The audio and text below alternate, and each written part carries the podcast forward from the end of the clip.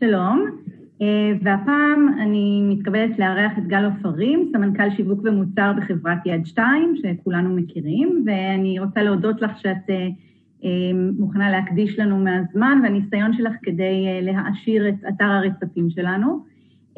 אני אתחיל בעצם, אם תוכלי לספר לנו בקצרה את הסיפור של ההקמה של יד 2, שהוא סיפור מעניין. היי, קודם כל תודה שהזמנת אותי, בשמחה. אה, אנחנו תמיד שמחים לתרום ככה מה, מהידע אה, לטובת הסטודנטים ודור העתיד. אה, אז לגבי יד שתיים, באמת ככה יד שתיים חוגגת השנה 15 שנים. הוקמה לפני 15 שנים על ידי יזם צעיר אז שנקרא שון תל. הוא בא ממשפחה שהייתה ככה חצי בעולם הפרסום וחצי בעולם הלוחות מודעות המודפסים. שוק המודעות אז גלגל מיליארדים, בעיקר ידיעות אחרונות שלט בשוק, זה היה שוק מודפס, אה, ושון החליט אה, בעצם שצריך כזה, כזה אתר אינטרנטי. היה כבר אז עוד אתר שקראו לו הומלס, אה, אבל הוא היה בתשלום, ולשון היה חזון להקים את האתר בחינם.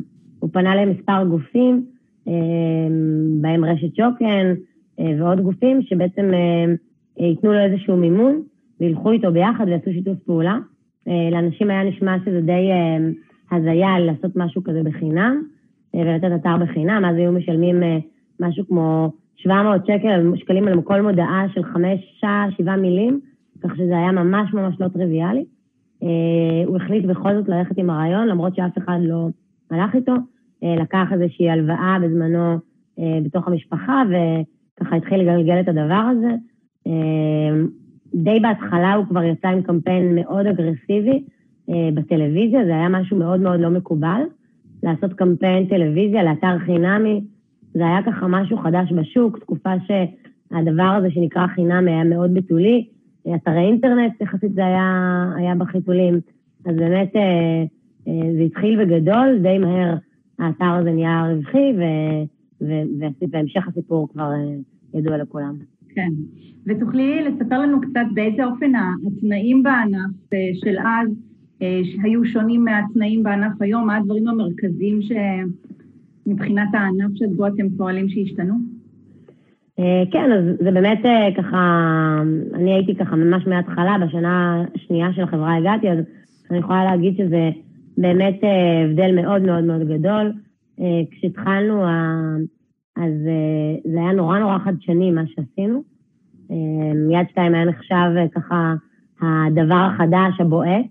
אה, לא היו הרבה מתחרים באותה תקופה, היו מתחרים אה, ותיקים, מתחרים הגדולים כמו ידיעות אחרונות, אבל לא היו, בשוק הדיגיטל לא היו הרבה מתחרים וגם לא היו הרבה שחקנים. גוגל היו בחיתולים, פייסבוק עוד לא היו קיימים, לא היו סמארטפונים, רמת המורכבות של הטכנולוגיה הייתה הרבה הרבה יותר נמוכה, באמת לא היה מובייל. אמ, זה היה שוק הרבה יותר בתולי, מה שנקרא, גם לאינטרנט, אה, גם עולם הדאטה, זה משהו שעוד בכלל לא דיברנו עליו, מדידות, אה, דברים נעשו המון לפי תחושות בטן, אה, לא ידענו מה אנחנו עושים, זה הכל ככה, באמת היה ניסוי וטעייה, לא היה איזה גיידבוק שיסביר איך לעשות שיווק באינטרנט, או איך לעשות שיווק לאתר אינטרנט, או איך להקים אתר אינטרנט, זה משהו שבאמת ככה היה מאוד מאוד שונה. אה, וזה מה שגם עזר לנו ככה להתבסס מאוד מאוד חזק. Mm-hmm. היום באמת העולם השתנה, השוק הרבה יותר מורכב, גם ברמת המרחב הדיגיטלי, יש בו המון המון מותגים, אה, וגם ברמת הענקיות שאנחנו מכירים אותם, אם זה אפל, אמזון, גוגל ופייסבוק, ששולטות היום ב, באמת במשחק הדיגיטלי ומשנות את כל, כל, ה, את כל מה שאנחנו מכירים, זה גורם לזה שהתחרות הרבה יותר עזה, אה, זה גורם לזה שהשחקנים, סליחה, היוזרים, הלקוחות, הם הרבה הרבה יותר אה, דורשים, הם הרבה יותר לוקחים מובן מאליו. אם בתחילת הדרך אנשים אמרו לנו תודה כל הזמן על זה שיש אתר חינמי, הם ממש לא הבינו איך אנחנו נותנים כזה דבר בחינם, ועוד נותנים שירות לקוחות 24/7 בחינם. היום הם לוקחים את זה, הצרכנים לוקחים את זה כמובן מאליו, הכל חינם, הכל נגיש להם, הם מצפים שנהיה בכל מקום בצורה הכי טובה שאפשר, אה, בטח שלקבל גם שירות, זה משהו שהם בכלל בכל המקורות, בוואטסאפ, בפייסבוק, אין מקום שאנחנו לא צריכים להיות זמינים, זמינים בו. באמת, השוק הרבה יותר מהיר גם. זאת אומרת, השינויים, קצב השינויים היום הוא אחר לגמרי, אנחנו נדרשים להיות הרבה יותר זריזים במה שאנחנו עושים. אם היינו פעם אה, מוציאים אה, מוצר או מפתחים משהו פעם בחודש, פעם בחודשיים, היום אנחנו צריכים להשיק עשרות מוצרים בחודש. זה, עולם אחר, עולם שהרבה יותר מעניין, הרבה יותר מאתגר, אבל בהחלט דורש מאיתנו להיות הרבה יותר יצירתיים והרבה יותר זריזים. מעניין. אנחנו לומדים בקורס על הדרך הנכונה להגדיר את תחום העיסוק של, של חברה. איך היית מגדירה את תחום עיסוקה של יד שתיים? היא בביזנס של, והאם ההגדרה הזו השתנתה לאורך השנים, או שאותו דבר כמו פעם? ברמה הפורמלית, אני חושבת שאנחנו מגדירים את עצמנו כחברת אינטרנט ופרסום. אה, זה באמת התחומים שאנחנו ככה פועלים בהם. אה, זה לא השתנה באופן אה, פורמלי, אבל אני יכולה להגיד ברמה האישית שלי, שאני מרגישה שבשנתיים האחרונות הפכנו להיות יותר בחברת הייטק. אנחנו יותר אוריינטד מוצר, אנחנו, צוות הפיתוח מאוד מאוד גדל, אנחנו משתמשים בטכנולוגיות מאוד מאוד מאוד מתקדמות וחדשות בשנה האחרונה. ומתכננים עוד הרבה הרבה דברים קדימה, אה, ולכן אני מרגישה שאנחנו הופכים להיות יותר חברת מוצר, יותר חברת הייטק, ופחות רק חברת שירותים ופרסום, אה, אבל זה ככה שלי. ברשמי אנחנו חברת אינטרנט ופרסום. אוקיי, okay, מעניין. אה, אילו יחידות אסטרטגיות עסקיות יש ביד שתיים? איך החברה מחולקת? ואולי עוד יותר מעניין, איך אתם מחליטים איך לעשות את ה... משאבים ביניהן, לפי איזשהו מודל, או אינטואיציה, או מכירות, או איך? אמ, אז בגדול אה, אנחנו מחלקים את החברה לבאמת אה, מחלקות של שירות, מכירות ופיתוח עסקי, כספים ותפעול, אה, שיווק ומוצר ופיתוח. זה, זה המחלקות והיחידות האסטרטגיות בחברה. וככה בונה את כל אבני היסוד לכל הדברים שנדרשים ליום-יום. לטווח קצר וטווח ארוך.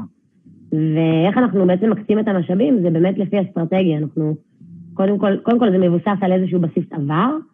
אמ, ואנחנו, לפי אסטרטגיה שאנחנו בונים, אנחנו ככה מקצים את המשאבים. אם אנחנו רוצים יותר לתת דגש על תחום מסוים, אנחנו מגייסים לו יותר עובדים. אני יכולה להגיד שאנחנו באמת בשנתיים האחרונות, כמו שגם אמרתי מקודם, אנחנו הגדלנו מאוד את צוות הפיתוח, אה, בגלל הצורך האסטרטגי של לפתח את האתר ולהגדיל את, אה, את כמות המוצרים ולעשות, לשפר את חוויית המשתמש ועוד ועוד דברים שאנחנו רוצים לעשות. אז רק בשנה האחרונה גייסנו 85 עובדים בערך אה, בסך הכל החברה, ובעיקר למחלקת ה-R&D. זאת אומרת שהשינויים הם בקצב מאוד מאוד גדול אצלנו, וזה בהתאם, בהחלט בהתאם לצורך העסקי והאסטרטגי. וה-R&D בפרט, מה שאמרתי, זה היום אה, מנוע הצמיחה של החברות היום, אני מאמינה. ולכן לשם אנחנו שמים הרבה פוקוס השנה. אוקיי. Okay. ואני יודעת שבשנה האחרונה, אני חושבת, עשיתם איזשהו מהלך אה, אסטרטגי גדול, אה, שקט יחסית, של בעצם השקה לאט לאט של אתר חדש לגמרי. אני אשמח אם תשתפי אותנו בקצרה בתהליך, זאת אומרת, מאיפה נבע הצורך, איך, למה החלטתם לעשות את זה ככה לאט-לאט, ואיך אתם בודקים שהצלחתם?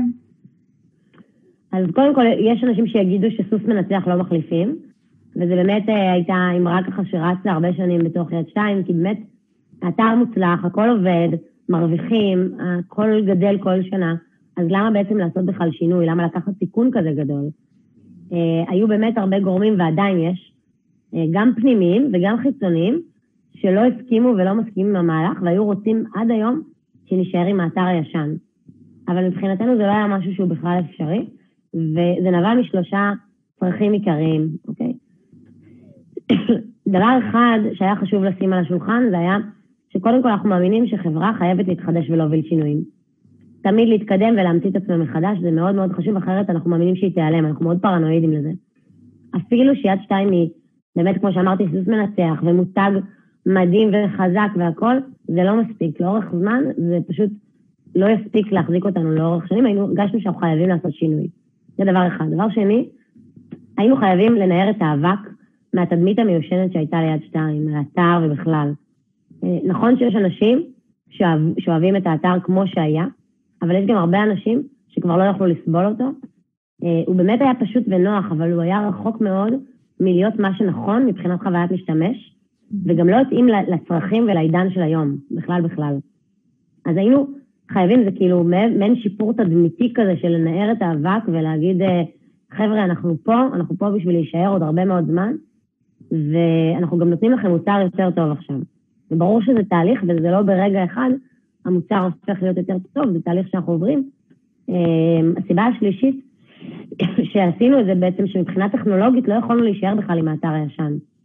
זה משהו שאי אפשר היה להתקדם איתו. אה, כל פיתוח וכל דבר זה כמו, זה כמו שאתה רוצה לעבוד על מכונית, ואתה יכול אה, להחליף לה את הצבע, אתה יכול להחליף לה איזשהו חלק, אבל בסופו של דבר, אחרי, אחרי הרבה שנים, כבר לא משנה כמה תחליף, זה תהיה גרוטה, ותצטרך uh, פשוט להחליף את המכונית, או את המנוע לפחות, או משהו כאילו מאוד משמעותי. ככה הרגשנו, בעצם לא יכולנו להמשיך לפתח, בטח לא בקצב מהיר עם הטכנולוגיות הישנות, היינו חייבים להתקדם. אז זה קודם כל, למה בכל זאת עשינו את זה? למרות שהאתר היה בסך הכל uh, מוצלח. למה עשינו את זה באופן הדרגתי ואיטי כל כך, ולא בבת אחת? באמת מאותה סיבה, יש אנשים שרגילים לאתר הזה, ואנחנו משרתים אה, לא רק את הקהל הצעיר שקל לו להתעדכן ורגיל לקבל עדכונים בפ... באפליקציות כל יום שני וחמישי.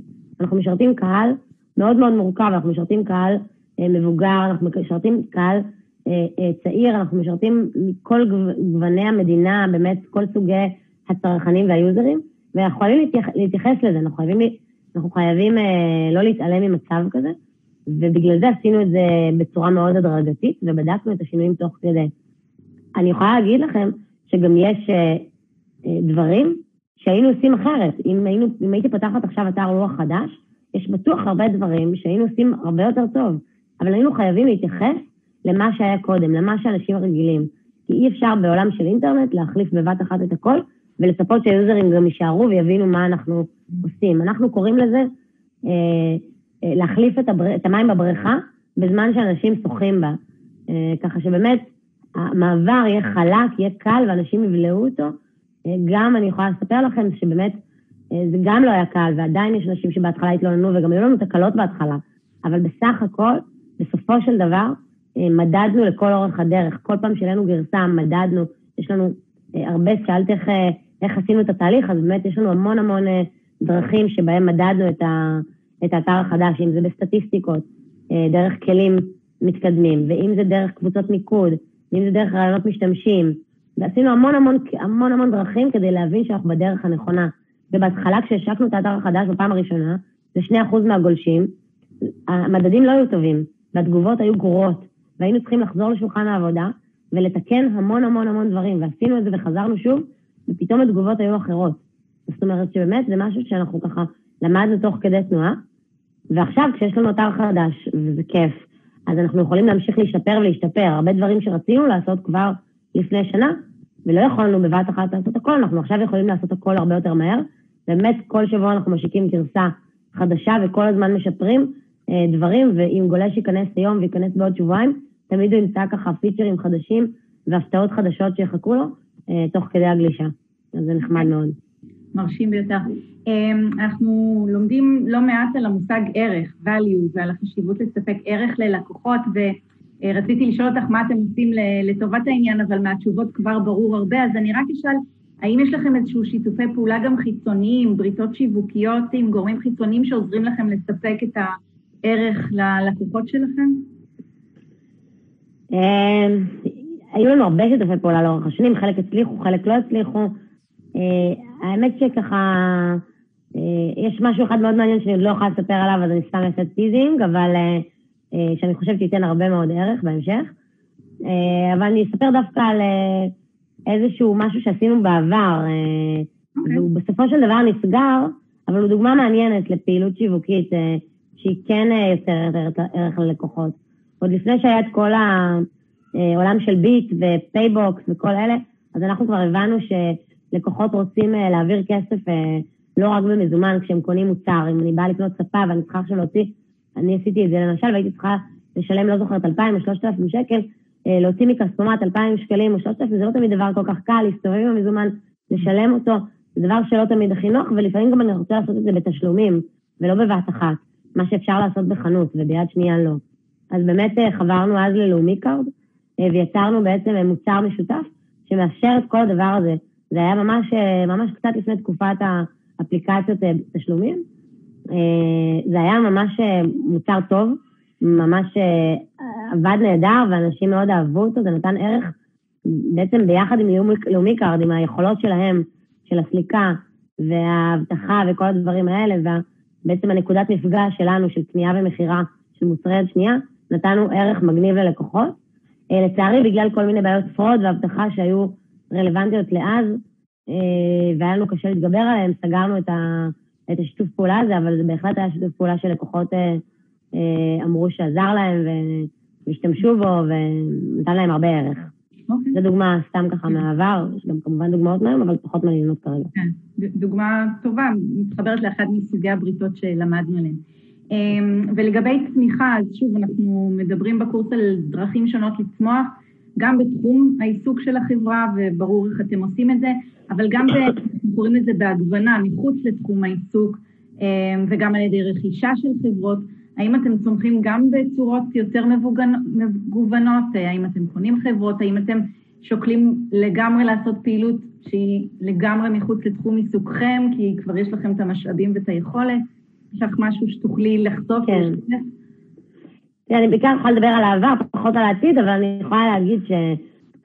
באמת, אנחנו, כמו שאמרתי, קיימים 15, 15 שנים, והיה לנו הרבה הרפתקאות בדרך. אנחנו היינו בשלב אה, מסוים שהגענו ככה לאיזה פיק ולאיזה שיא, שהרגשנו, לפני, אני מדברת על לפני כמה שנים, הרגשנו שבדיוק זה הזמן, שהנה ברכב, בנדל"ן, במוצרים, בכל הדברים האלה אנחנו כבר בשיא, והנה זו ההזדמנות להתחיל עם הכוח שיש לנו לכבוש אה, דברים חדשים, ופתחנו כל מיני מדורים מכל מיני סוגים, אם זה היה פורטל הגיל השלישי בכלל היה לנו, ואם זה מדור לרכישת רכב חדש, שזה תחום קצת אחר, אמנם זה קשור לרכב, אבל זה היה קצת מודל עסקי חדש לגמרי.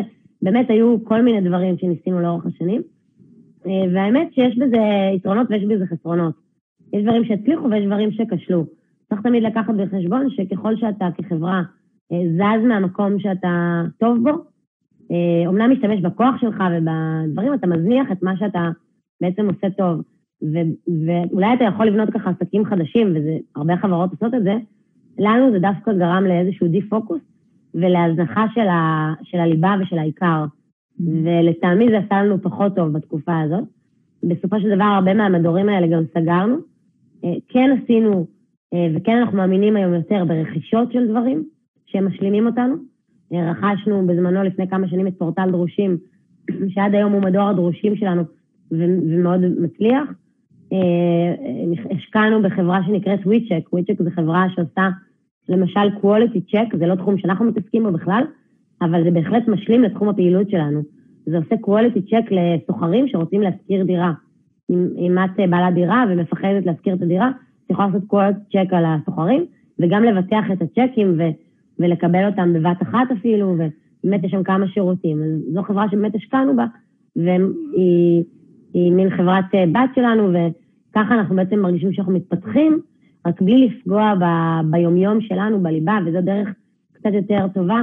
מצד אחד להתמקד ביד שתיים במה שאנחנו רוצים ורוצים להתקדם, ומצד שני להתפתח בדברים אחרים, אה, שככה יוציאו אותנו מה, מהמקום שאנחנו נמצאים.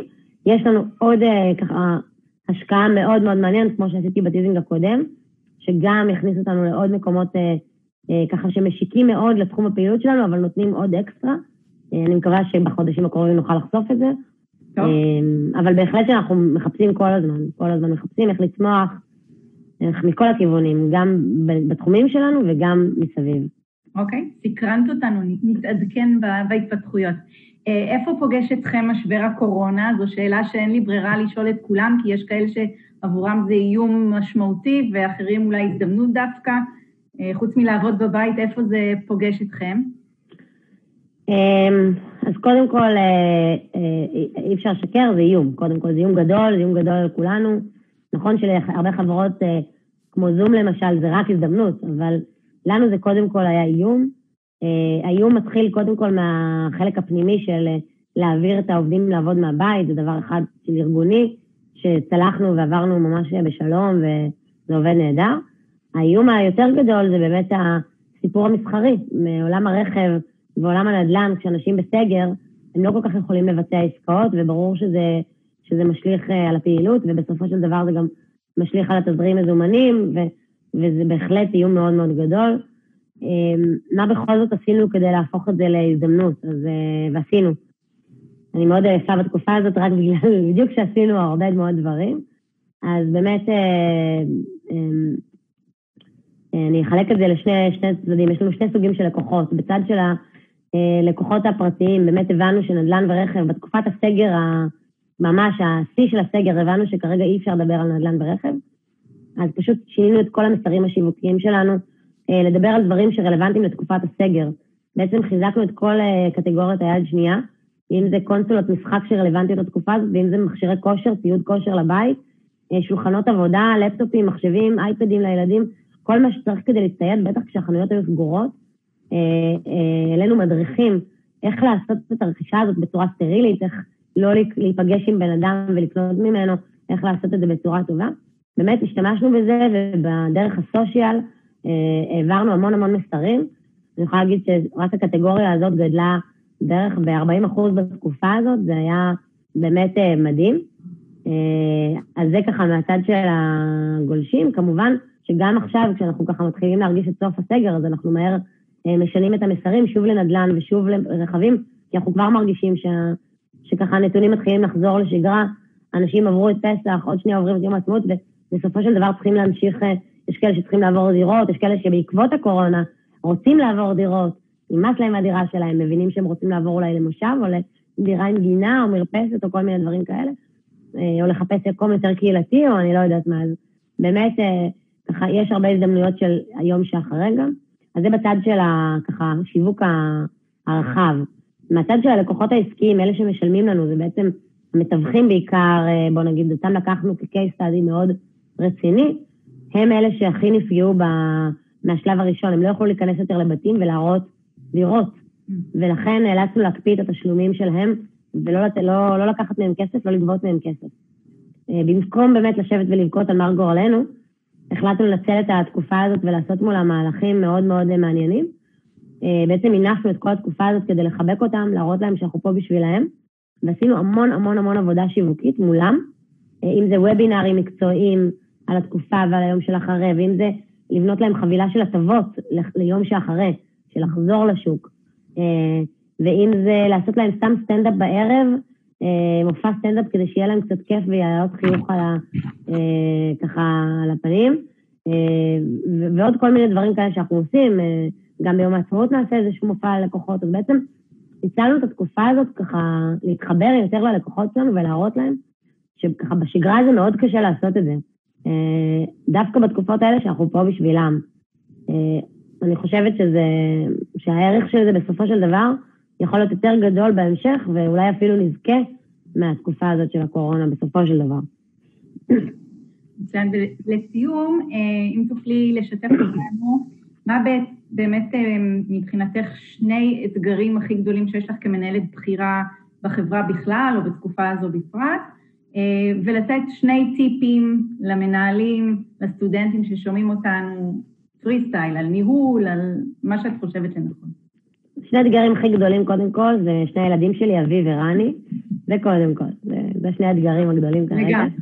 כן, אבל אם אנחנו עוברים אותם, אז אה, באמת האתגר הראשון שהיה לנו בתקופה הזאת, ובכלל זה לשמור את כולם אה, מאוחדים.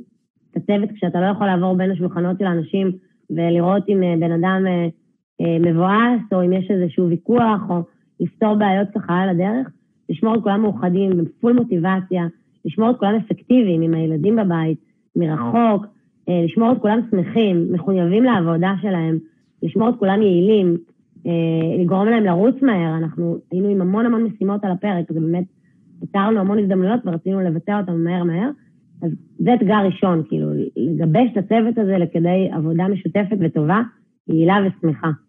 אה, האתגר השני זה כל הזמן, וזה לא אתגר רק של הקורונה, הוא רק מתחזק בעקבות המצב, אבל הוא לא רק של עכשיו, זה באמת לשמור על האיזון של הצרכים שיש לנו כל הזמן בין הצד של המכירות והכסף המיידי, שזה טווח קצר, אה, שיש הרבה כסף ששוכב על השולחן ואפשר להרים אותו, לבין הצורך שלנו להתקדם קדימה ולחשוב על אסטרטגיה לטווח ארוך, להבין כל הזמן מה היוזרים שלנו צריכים, קדימה, גם אם זה לא עושה היום כסף, לבין מה שעושה כסף. זו מלחמה יומיומית שאנחנו ככה אה, בינינו גם בתוך החברה וגם אני עם עצמי כל הזמן צריכים להיאבק על משאבים ולהחליט על מה אתה עושה קודם.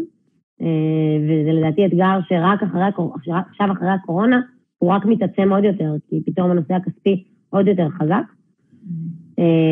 אז זה האתגר באמת הכי גדול שאני חושבת שיש לי היום. לגבי טיפים, אז כן, אז לגבי טיפים, אני חושבת שככה הייתי ממליצה למנהל שיווק מתחיל, קודם כל שהוא צריך להכיר את התחום שהוא חי בו, להכיר את היוזרים, להכיר את הלקוחות, לרדת לעם, מה שנקרא. לא לחיות רק מסקרים או מסיפורים, לרדת לשטח, לשמוע מה היוזרים צריכים, לדבר איתם, לבדוק מה מניע אותם, מה הם אוהבים, להשתמש בכל כלי אפשרי ובכל שיח אפשרי כדי להבין מה היוזרים שלנו אוהבים, ולפי זה לכוון, אם זה את השיווק שלנו ואם זה את המוצרים שלנו. דבר נוסף זה באמת, היום מנהל שיווק לא יכול לפחד ממספרים, כאילו זה משהו שחייב, מנהל שיווק צריך להבין שדאטה, ובאמת הוא צריך להבין את הדברים מלמטה, מה שנקרא. הוא צריך ללכלך את הידיים, הוא צריך לדעת לקרוא מספרים, לקרוא דאטה, לעשות הכל מהכל, להתנסות, להתנסות באקסלים, לנתח, זה דברים מאוד טכניים שמנהל שיווק היום צריך לעשות, ולא רק לחשוב על איזה פרסומת יותר טובה, או יותר יפה, או יותר מצחיקה, כאילו, בוא נגיד, זה החלק הכי קל היום. החלק הקשה זה לדעת להסתכל על דאטה ולהבין אותו ולהוביל ככה את השיווק. ודבר אחרון, ככה בכל זאת אמרת שתיים, אבל אי אפשר לא להגיד את זה, זה אולי קלישאתי, אבל להשקיע ב brand, להשקיע במותג, זה סופר חשוב. דווקא היום עם העולם הזה של מה שנקרא performance, פרסום לפי הצלחה, מה שנקרא בפייסבוק, בגוגל, אפשר לשלם קצת כסף ולקבל הקלקות וזה עובד, זה לא מספיק, זה לא... אפשר לעשות אחלה של קמפיינים ככה, אפשר לעשות כסף ככה, זה בסדר. אבל אם רוצים באמת לעשות עבודת שיווק, צריך להשקיע במותג.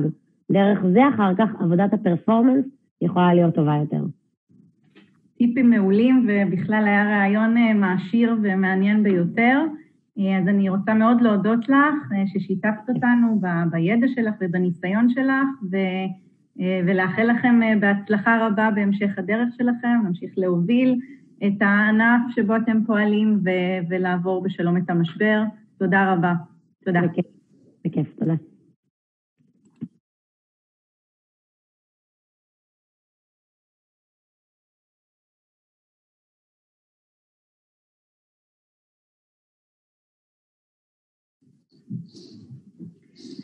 שלום לכולם, והפעם אני שמחה לארח את מיכאל מיטרני, מנהל החדשנות והדיגיטל של רשת סופר פארם, ולשאול אותו כמה שאלות ספציפית על, על חדשנות ועל analytics, דברים שאנחנו לומדים בעיקר בפרק שלוש ובכלל. אז מיכאל, סופר פארם היא באמת ידועה כסמן בהטמעה של חדשנות. באיזה מידה אתה מייחס את המיקוד בחדשנות להצלחה ולהובלה של הרשת? אני חושב שלחדשנות אצלנו יש ערך מאוד משמעותי. אני חושב אבל שזה קורה בצורה קצת עקיפה, שעושים חדשנות לשם החדשנות, למרות ששמחים תמיד ליהנות מאיזושהי הודעת יח"צ כזאת או אחרת שהנה הוצאנו משהו חדש. אלא אנחנו מחפשים באופי שלנו דרכים לשפר, דברים טובים יותר. אם זה חדשנות מוצרית, שזה תחום שאני לא אחראי עליו, אבל עושים במחלקות שונות, או שאנחנו מביאים פתרונות שיהיו לטובת החוויה בסניף, או לטובת עולמות האי-קומרס. זה מגיע פשוט מהמקום שבו אנחנו מחפשים איך לייצר ערך ואיך לשפר את העסק ואת החוויה של הלקוחות שלנו. ובגדול, בסוף, מסתכם בדברים האלה. הבנתי. וחדשנות היא רק הזדמנות, או שיכולה גם להיות איום לחברה? יש לך איזו דוגמה שחשבתם ללכת על משהו שנראה בעיניכם כאיזושהי הזדמנות גדולה, ובסוף זה יתברר כאיזשהו איום או, או קושי? יש דברים שכמובן מתגלים כיותר קשים לביצוע, או גם דברים שעושים שמתגלים בסוף כמשהו לא יעילים, או שאין להם באמת שימוש וצורך בעיני הלקוחות, אז זה כסף שהולך לפח. אני חושב שהאיום היותר גדול בעולמות שאני מסתכל עליהם של חדשנות, היא דווקא מצד החברות שעושות את זה יותר למטרות יח"צ, ופחות באמת לטובת הביזנס שלהם בשורה התחתונה, או יותר חשוב, לטובת מה שהלקוחות שלהם צריכים. אני חושב ש... ונדבר על זה כנראה בהמשך, אבל אני חושב שכש... בוחנים אפשרויות של דברים חדשים, או מה לעשות, או מנסים לנהל את הסדר עדיפויות, אני חושב שערך הלקוח צריך להיות הגורם שמוביל בעלת ההחלטות, אה, ואז גם איך ההשפעה של זה על העסק, כמובן שצריכה להיות השפעה חיובית, לא משהו שגורם לעסק להפסיד בגלל שעשינו משהו יותר מדי טוב לטובת הלקוחות. אה, אבל אני רואה לא מעט חברות שיוצאות בהצהרות על דברים שהם עושים, והודעות לעיתונות יוצאות אה, שנתיים, שלוש, לפני שבכלל יוצא משהו, ובסוף לא יוצא גם כלום. כן, אז נכון שלכולנו זיכרון קצר ולא זוכרים הצהרות כאלה, אבל אני תמיד מוצא את זה מגוחך, ואנחנו בגישה שדווקא קודם נעשה, אחרי זה נדבר. כן, ברור הנזק במקרה שכזה דבר קורה. אמ, ואם נוסיף לזה עוד איזשהו מושג של אה, פרסונליזציה או קסטומיזציה, אה, אז אני יודעת שבעולם אה, עושים שימוש בכל מיני טכנולוגיות מתקדמות כדי ללמוד טוב יותר על הלקוח, איפה הוא נמצא, במה הוא נוגע, כל מיני, כמו ביקונים וכאלה, זה משהו ששקלת לשלב ברשת, זה משהו שאתה חושב שכדאי לעשות? אה, כן, ספציפית לגבי ביקונים זה משהו שבמהלך השנים אה, חיפשנו לו מקרי שימוש. בסדר, שוב, חיפשנו את הערך, לא רצינו סתם לשים ביקונים להגיד יש. עכשיו אנחנו בשלב שכן מצאנו כמה מקרי שימוש מאוד מאוד מעניינים שיכולים לתת ערך ללקוחות שלנו, mm-hmm. אז אנחנו בדיוק בוחנים uh, כרגע פיילוט של uh, לשלב כמה כאלה. עד היום לא באמת עשינו את זה, עשינו כמה טסטים, אבל עכשיו יש כמה מקרי שימוש מאוד מעניינים. מנצלים את זה שיש לאחוז גבוה מאוכלוסיית הלקוחות שלנו את האפליקציה, אז הם נכנסים עם האפליקציה בכיס אה, לסניפים, ואז בעזרת ביקונים או כלים אחרים, אנחנו ערך מוסף ושירותים נוספים בעקבות הכלים האלה. אז זה okay. אוקיי. בהחלט כרגע בבחינה. מצוין, נשמע מצוין. ואם uh, בעניין של פרסונליזציה, אז אתם uh, חוקרים בעוד דרכים um, על הצרכנים שלהם, ללמוד על ההתנהגות קנייה שלהם, על העדפות שלהם, על איך לעשות את זה בצורה יותר ממוקדת ואישית. מה עוד אתם עושים לטובת העניין? אה, קודם כל אנחנו מאוד מוטי נתונים, זאת אומרת שאנחנו שומרים מה שאפשר לשמור, אה, כל נתוני טרנזקציות למיניהם, וסלים, וביקורי סלים, ועושים ניתוחים, הרבה מאוד סוגים שונים של ניתוחים, כדי לדעת איך אה, לייצר תוכן יותר רלוונטי ללקוחות שלנו, אה, לתת להם את הקופונים הרלוונטיים, אה, לדעת לייצר מבצעים יותר טובים. זה בסוף עולם התוכן שאנחנו חיים בו, אה, העולם המסחרי. אז מייצרים לא מעט מהדברים האלה. יש הרבה תובנות שמקבלים על הלקוחות שלנו, בין אם זה באופן ישיר מהם, זאת אומרת, לא מעט גם משירות לקוחות, צוברים את המידע שמגיע משם, איזה סוגים של תלונות, איזה סוגים של הצעות שאנחנו יכולים לראות כדי לשפר מוצרים שונים, בין אם זה בתפעול השוטף של הסניף, או בין אם זה פיצ'רים באפליקציה, או מה שזה לא יהיה. אמ, ואז יש גם אה, לפעמים אה, מחקרים אה, שהם יותר איכותיים כאלה, בין אם זה קבוצות מיקוד שונות או מחקרים אחרים, זה יותר באמת כדי ללמוד ברמת ה branding על השפעה כזאת או אחרת של דברים. אבל ברמה הכמותית יש לנו שוב לא מעט מידע שאפשר לנתח ומשם להסיק מסקנות ולעשות ניסויים שונים. וזה נעשה in-house בעיקר, או בעיקר על ידי חברות חיצוניות? איך, איך זה נעשה? אז זה תלוי, הדברים האיכותיים יותר, אה, זה חברות חיצוניות שנשתמש בהן, שיעשו סקר של מדגמים שונים של לקוחות. זה מחלקת המחקר תטפל בזה ותעשה סקרים על אה, אה, בין אם איך השפיע השירות החדש שהשקנו על הרשת, או מה חושבים על סופר פארם בעקבות ימי הקורונה, דברים כאלה למיניהם, ומנסים לראות את האלמנטים השונים שמשתנים שם. אה, מעבר לזה, כל הנתונים האחרים, אנחנו עושים, אה, את רוב הדברים אנחנו עושים פנימית. זאת אומרת, יש אה, אנשי BI שיעשו את הניתוחים הרלוונטיים, ייצרו את הדוחות הרלוונטיים, כדי שאחרי זה מנהלי הסחר או הסמנכ"לים ישתמשו בהם. וחוץ מזה, גם נעזרים בחברות חיצוניות שמתמחות בנושאים כאלה ואחרים, כמו פרסונליזציה, למשל, של קופונים, נעזרים בהם כדי שהם ייקחו את כל הדאטה, יאבדו אותו, וידעו להוציא את ההמלצות הנכונות עבור כל צרכן. Mm-hmm. אז זה שילוב של הכל. אוקיי, ואלה מדידות אה, לפני מעשה, לדעת מה להציע, ומה לגבי מדידות אה, לאחר מעשה? זאת אומרת, קודם כל, כמה חשוב בעיניך כל הנושא של מדידה ואנליטיקס, ומה הדברים שאתם עושים לטובת העניין? אז זה סופר חשוב, אני חושב, כי לעבוד בלי נתונים זה קצת לעבוד על עיוור. אה, ואם אתה עושה משהו שלא זכרת שעשית לפני חצי שנה ואולי הוא פחות עבד, אז אתה לא יודע מה לנסות לשפר, אז חייבים להסתכל תמיד על הנתונים, חייבים גם להגדיר, בעיניי, כשעושים מהלכים כאלה ואחרים, בין אם זה קמפיין או עבודה בעיתון, או מבצע כזה או אחר, או פיצ'ר חדש שהשקנו עכשיו באתר או באפליקציה. למדוד איך הדברים האלה השפיעו, ולנסות להגדיר מראש גם מה הדברים שאנחנו מצפים שישתנו, מה אם יהיו אותם מדדים שמבחינתנו הדבר הזה אפשר להגיד שהוא היה מוצלח, ונחזור עליו. ומצד שני, מה הדברים שאולי ננסה לעשות אחרת פעם הבאה שנעשה את זה כדי לשפר יותר את הנתונים. אז uh, אני מאוד בן אדם של נתונים ושל analytics. Uh, זה מסוכן לפעמים כי חופרים יותר מדי, ולפעמים uh, מרוב נתונים אפשר לטבוע, אבל בעיניי זה סופר חשוב לקבל החלטות בצורה כזאת שהיא מושכלת. אוקיי. Okay. ועכשיו לשלוש השאלות הקבועות שאני שואלת את כל המנהלים. אה, לאורך הקורס אנחנו לומדים על החשיבות של תכנון אסטרטגי, אה, זה בא לידי ביטוי ככה בכל התהליך של ניהול השיווק. אה, תוכל לשתף אותנו באיזושהי החלטה אסטרטגית מצוינת שקיבלת, שעשתה שינוי משמעותי, או איזושהי החלטה שאתה עומד בפניה לקבל?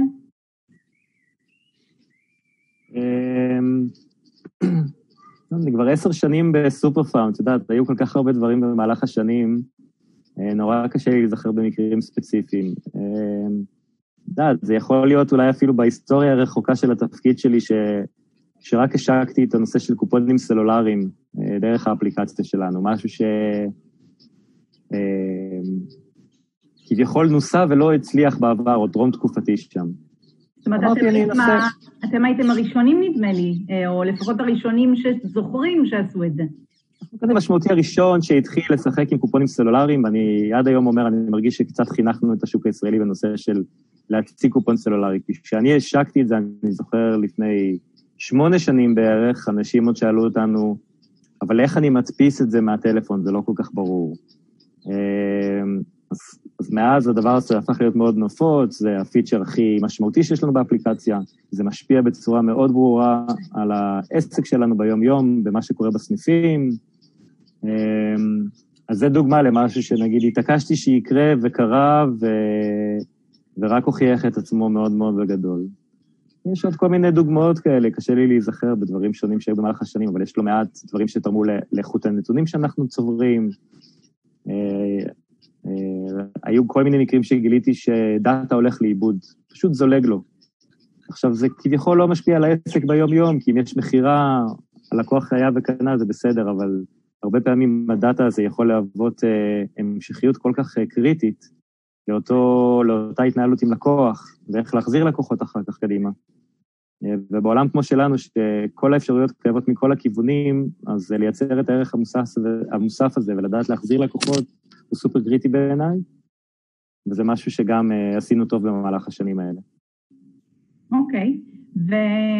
ובתור מומחה בחדשנות, יש לך איזשהו טיפ איפה לאתר דברים ככה, את הדבר הבא, מה זה, זה במחקרים, זה בפרסומים מקצועיים, זה איפה בעצם למצוא את הוואו הבא בתחום הטכנולוגי? אני חושב שבעידן שלנו אה, זה פשוט אומר להיות מחובר. אה, כל אחד בערוצים שלו. אני לא קורא כמעט דברים מקצועיים, אני חושב באמת פורמליים, עכשיו אה, מסמכים של הרווארד, אבל אבל אני מקבל לא מעט ניוזלטרים, שאני מנסה לעבור על כמה שיותר מהם, אה, בתחומים שאותי מעניינים. אני נמצא לא מעט בפייסבוק, דיכיתי מפייסבוק את כל הפוסטים של חתולים ותינוקות ובדיחות. זה הופך להיות מקור חדשותי בשבילי. כן, בתור אחד שלא צופה בחדשות בטלוויזיה, אני צובר את, ה, את התוכן שלי משם. אה, ויש עוד כל מיני כלים אונליינים כאלה, ש, שאם הופכים אותם לעמוד הבית שלך, כשאתה פותח היום את הדפדפן, הם מספקים לא מעט אינפורמציה, והם יודעים היום כבר להיות מאוד מאוד מותאמים למה שאתה אוהב. אז אם, אם אתה אוהב תכנים בעולם השיווק, או ספציפית בעולם שיפור המרה, או בעולמות של analytics, או בעולמות של e-commerce, לא חסרה אינפורמציה. צריך לדעת, כמו שלומדים, אני חושב, בכל מקום אחר, לעשות uh, skimming, לעבור מאוד מהר על הטקסטים, למצוא את הכותרות המעניינות, ויש לא מעט דברים אה, מעניינים שלומדים שם, ואם אתה מחובר בתדירות גם די גבוהה, אז אתה הרבה פעמים תדע לפני כולם מה שקורה ומה חדש, וזה מספיק כדי להיות חדשן. מספיק שתקרא את הכתבה שתיתן לך רעיון על איזשהו ריטיילר עכשיו בארצות הברית, קצת לפני העמיתים שלך. אוקיי, okay, ולסיום, שלושה טיפים לסטודנטים שלנו, חלקם כבר מנהלים בכירים וחלקם בדרך ל... אה, שלושה טיפים לפרי סטייל, כל מה שעולה לך בראש אה, כדאי להמליץ. אוקיי. Okay. אה, אז אני חושב, דבר ראשון, העולם של, מה שדיברנו עליו קודם, העולם של נתונים. באמת, להיות פנאט לנתונים, לחשוב איך בפעולה מסוימת אני צובר דאטה. כמובן, תמיד לשמור על החוקים של איזה דאטה מותר לצבור, כמובן, על אנשים ושמירת פרטיות, אבל להקפיד על הדברים האלה, ולפני הפעולות, כמו שאמרתי קודם, זה להגדיר את אותם אה, KPIs, אותם אה, מדדים שמבחינתי הם מדד להצלחה. יכול להיות שבאתר הסחר אני אומר שהמדד להצלחה מבחינתי זה אחוז ההמרה באתר, כמה מתוך אלה שנכנסו לאתר קנו משהו, ואז אם אני אעשה טסטים אה, לדברים שונים שאני משנה באתר, או על מבצעים שונים, אז אני אבדוק איך השפעתי על אחוז ההמרה. זה יכול להיות כל דבר אחר, אני יכול להסתכל, אה, אם אני אגדיר פיצ'ר חדש באפליקציה, אז אני רוצה לראות כמה אנשים משתמשים בו, איך זה הגדיל אולי שימושיות, זמן שהייה. כל עולם תוכן מגיע עם ה-KPIs הרלוונטיים לו, עם המדדים שרלוונטיים לו. חשוב להבין מה אנחנו מודדים ואיפה אנחנו רוצים להיות, כי אחרת לא נדע להגיד זה הצליח או לא הצליח, זה פשוט קרה. אז כדאי שנגדיר את הדברים האלה מראש.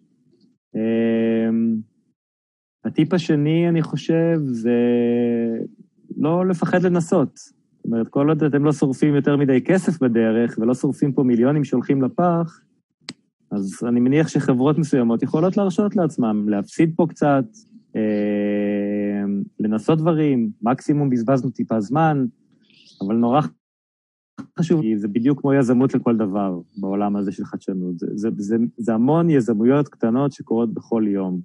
אנחנו מנסים דברים חדשים, לא עובדים, לא נורא, לא נקשרים אליהם, מנסים את הדבר הבא. שוב, אם מודדים אותו נכון, אז אנחנו יודעים גם להמשיך הלאה. אה, מאוד חשוב לא להידבק לכל מיני דברים כאלה, בין אם זה קורה בעולם על המדף, של הבאנו מוצר, חשבנו שהוא יד צריכה מסחרת והוא לא מצליח, אז קדימה, מעיפים אותו ומפנים מקום במדף למוצר אחר שאולי כן יצליח, ובין אם זה פיצ'רים שאנחנו עושים עכשיו באתר או באפליקציה או בעולמות התוכן שהם יותר שלי, הפרודקטים, אה, לא לפחד לנסות דברים שוב, לא לשרוף את הכסף ואת העסק תוך כדי, אבל יש הרבה מאוד דברים שאפשר לנסות ולראות להצליח. אמ, השלישי? וטיפ שלישי, אני חושב להתמקד ביצירת ערך. אמרתי את זה, אני חושב, בשאלה הראשונה.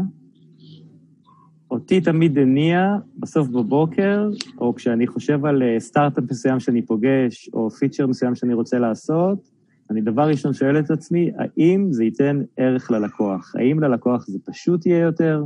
האם יהיה לו זול יותר? האם הוא יסיק מזה משהו? כי אם לא, זה לא שווה כלום.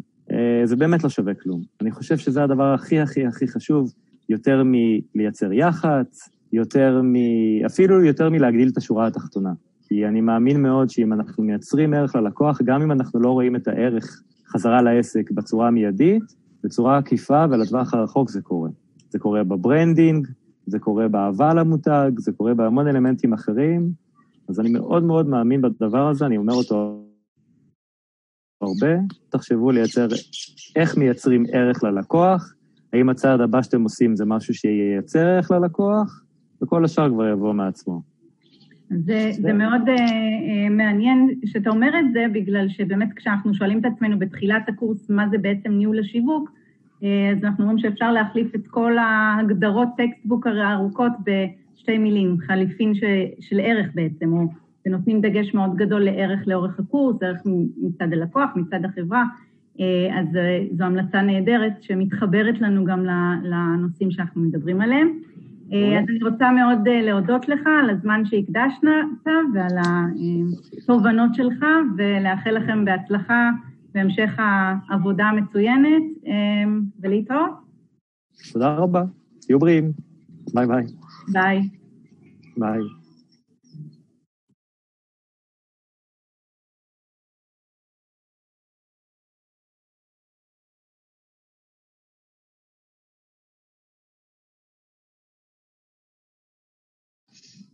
אוקיי. Okay. אז שלום לכולם, אה, ואני שמחה לארח את אבי אדרי, המנכ"ל של סינמה סיטי. ולשאול אותו שאלות על השוק, על הענף שבו סינמה סיטי פועלת, והשאלה הראשונה, בעצם איך היית מגדיר מה הענף התחרותי שסינמה סיטי פועלת? אתם מתחם או חברה למה? אנחנו, אנחנו נמצאים במרחב שנקרא מרחב, המרחב הבילויים. אוקיי. Okay. שמרחב הבילוי היום זה ממסעדה, בית קפה, מבחינתנו, תיאטרון, הצגה, מופע, הופעת, הופעת מוזיקה. במרחב הזה, בקשת הזאת, נמצא, נמצא בית קולנוע. אה, ובמסגרת הזאת, אני, אני מתייחס למקום שאנחנו נמצאים בו, למרכז של סינמה סיטי, לא כמתחם בית קולנוע, אלא כמתחם בילוי. אה, שיש בו בית קולנוע, שיש בו אה, מתחם הופעות, שיש בו מסעדות, בתי קפה, קצת חנויות, בעצם מקום שאתה בא לשם לבד, בין עם זוג, עם המשפחה, עם חברים, ונהנה ומבלה שם שעתיים, שלוש, ארבע, חמש. אוקיי. Okay. עכשיו, אתם פונים לפלחים שונים באוכלוסייה, אה, וזה השוק שלכם. אה, אתה יכול לספר לנו קצת על איך השוק השתנה בשנים האחרונות? מה שונה צרכן הבילוי של היום מפעם? אה, תראה, דבר ראשון, בגלל שבגלל שהנגישות, אני אקרא לזה לחומר וידאו, היום היא הרבה יותר קלה, אתה לוחץ על כפתור, יש לך נטפליקס, אתה לוחץ על כפתור ויש לך כל סרט שאתה רוצה, אתה גם יכול להוריד אותי לפני זה, אז כבר, אז המשקל עבר מרק לראות את הסרט, אלא לחוויה באמת אמיתית של בילוי. אה, אז בעצם אנחנו, אה, למרות שאם אני מסתכל על, על סך כל מנעד הגילאים, אני מטפל בכל הגילאים, מילדים קטנים ועד מבוגרים, אז המבוגרים בעצם באים לחוויה של פעם, אה, לראות את הסרט של פעם, הצעירים באים יותר לחוויה של בילוי, הילדים זה בעצם דיסקאברי, הם בעצם מגלים עכשיו עולם חדש, אה, ואנחנו בעצם מנסים מול כל קהל להדגיש לו את החוזקות שאפשר לעשות, אז בגלל זה מראש הם מתחמים מאוד יפים, מאוד נוחים, מאוד... אה, משתדלים להיות חדשנים, מאוד, מאוד לוקחים אותך בחוץ, אבל אנחנו עושים מהבית קפה, ויש שם בר, ויש שם פעילויות מיוחדות לקהל מבוגר, ויש שם בובות בשביל קהל, קהל של הילדים, ועושים פעילות גיימינג. עושים פעילות של מוזיקה, ועושים הרבה דברים כדי בעצם להיענות לביקושים של כלל הקהלים. אם פעם עושים בית קולנוע נקודה, היום אנחנו משתדלים לעשות הרבה הרבה הרבה יותר, וגם המחשבה היא איך להגדיל את ההיצע ואת ההיקף. ככה גם הוליווד בעצם, גם הספק של התוכן שלנו פעם היה עושה רק דרמות אה, של ריקודים, היום מסרטי בדיוני ועד אה, תום קרוז וסרטים של מוזיקה וסרטים זרים. כן, אוקיי. ומבחינת הענף... היצע הסרטים שלנו מאוד רחב. כן, אוקיי. אה, מבחינת הענף התחרותי, אז אה, אנחנו עומדים על רמות שונות של תחרות. אז יש את המתחרה הישיר, שכולנו מכירים. יש מתחרים בענף שזה בתי קולנוע קטנים, אני לא בטוחה שהם מהווים תחרות ממשית. ויש באמת את המתחרי, אנחנו קוראים להם מתחרי צורה, נטפליקס וכולי. אה, ממי התחרות אה, יותר אה, קשה? ממי אתה יותר חושש או יותר מנסה להתמודד דווקא מהקרוב או דווקא מהרחוקים, או מה... זה... אנחנו לצערנו צריכים לעבוד, לעבוד במקביל, כי מצד אחד אני צריך לגדל את, נקרא לזה, צרכני העתיד של הקולנוע, בני נוער, את הילדים. אני בעצם צריך ללמוד, להוציא אותם מהמסכים הקטנים, מהטלוויזיות, מהנטפליקסים, מה, מהטאבלטים. אה, מהצד השני של זה, אז, אז שם אני צריך להיות חדשני ויפה ומהיר, ולעשות הצגות ותיאטרון ולעשות הרבה דברים. והצד השני של זה, זה אה, המתחרים הישירים שלי שבאמת פועלים בשוק, אז אני שם מתחרה גם כן בחדשנות, בגזרות של מחיר, אה, בתחרות על היצע סרטים, היצע אולמות, איך המקום נראה. אני חייב לעבוד ולעבוד, אני חייב לעבוד במקביל, אם אני לא אדאג לקהל העתידי שלי, הוא פשוט לא יבוא ולא יהיה, אז אני אהיה בקולנוע מגניב, ואני אשבור את המתחרים שלי, אבל לא יהיה עתיד. באיזשהו מקום, אני חושב שכל מתחרים נורמליים צריכים גם להסתכל על עצמם כיחידת, אה, או כענף פעילות, ולראות איך הם עצמם דואגים לעתיד של עצמם. אה, אז יש כאלה שצריכים פחות לדאוג, נניח בענף המזון, כנראה שמי שמתעסק בפסטה לא יצטרך לדאוג יותר מדי, כי תמיד יאכלו פסטה. אה, אבל אולי בעולמות של השוקולד, אה, בעולמות של השתייה הממותקת לדוגמה, אה, יש נטייה לאכול פחות סוכר ואוביסיטי, אתה צריך לראות איך אתה מחנך את הדור הצעיר לצרוך נניח שתייה ממותקת, לצרוך אותה פחות. Mm-hmm. צריך לחנך את הקהל הצעיר לצרוך סרטים, אבל לאו דווקא בטאבלט, לאו דווקא במסך הקטן, אלא במסכים הגדולים, בחוויה אחרת, עם הפופקורן, עם הקסם שיש מבחוץ. הבנתי. עכשיו, אנחנו עומדים על כל מיני מדדים ש... שכדאי אולי לבדוק אה, לגבי באמת הסביבה התחרותית, מנתח שוק ועד נתח תודעה, מה יותר מודעים, ועד נתח לב, מה יותר מעדיפים. אתם, אתם עושים עליהם, יש לכם אה, בדיקות, אה, אילו בדיקות, אתם נוקטים במודיעין תחרותי, או איך אתם לומדים בעצם על הסביבה התחרותית העכשווית והעתידית שלכם? אנחנו, דבר שאנחנו בכל, בכל רגע נתון יודעים כמה כרטיסים נמכרו אצלנו, משתדלים לדעת כמה, כמה כרטיסים נמכרו אצל המתחרים, אנחנו מתעסקים בהשוואות יומיות, שבועיות, חודשיות, שנתיות, של כמות הצופים, כמות ההקרנות, ההגעה של הקהלים מול המתחרים. אה, אנחנו עובדים בזה לראות מה פותחים חדש, מה עושים חדש. אה, למרות שמצד שני, היום באיזשהו מקום אני חושב שה... נקרא לזה האויבים מבחוץ, מחוץ לענף הם גדולים יותר מהאויבים מתוך הענף, אז אה, אנחנו משקיעים גם המון מודיעין תחרותי במה נטפליקס עושים, ומה יהיה העתיד, ומה יהיה בני נוער, ומה הגיימינג החדש, אה, שמבחינתי זה מודיעין תחרותי אפילו יותר משמעותי, ויותר אסטרטגי מלדעת אה, כמה אסטרנט עשו. לפעמים אני אומר, מעולה, שיעשו, שיצליחו, כי כשהם מצליחים, כנראה שהם מגדלים את הקהל שאני רוצה שיבוא, והם גם יבואו אליי מתישהו. אז okay. אוקיי. זה תלוי באיזשהו ענף. בענף שלי אנחנו uh, מסתכלים הרבה הרבה מאוד בחוץ, וגם בתוך הבית. גם על הבתי קולנוע הקטנים, כי גם, גם הקטנים זה תחרות. ומה היית מגדיר את היתרונות התחרותיים שלכם ביחס נניח למתחרה הישיר שלכם? מה...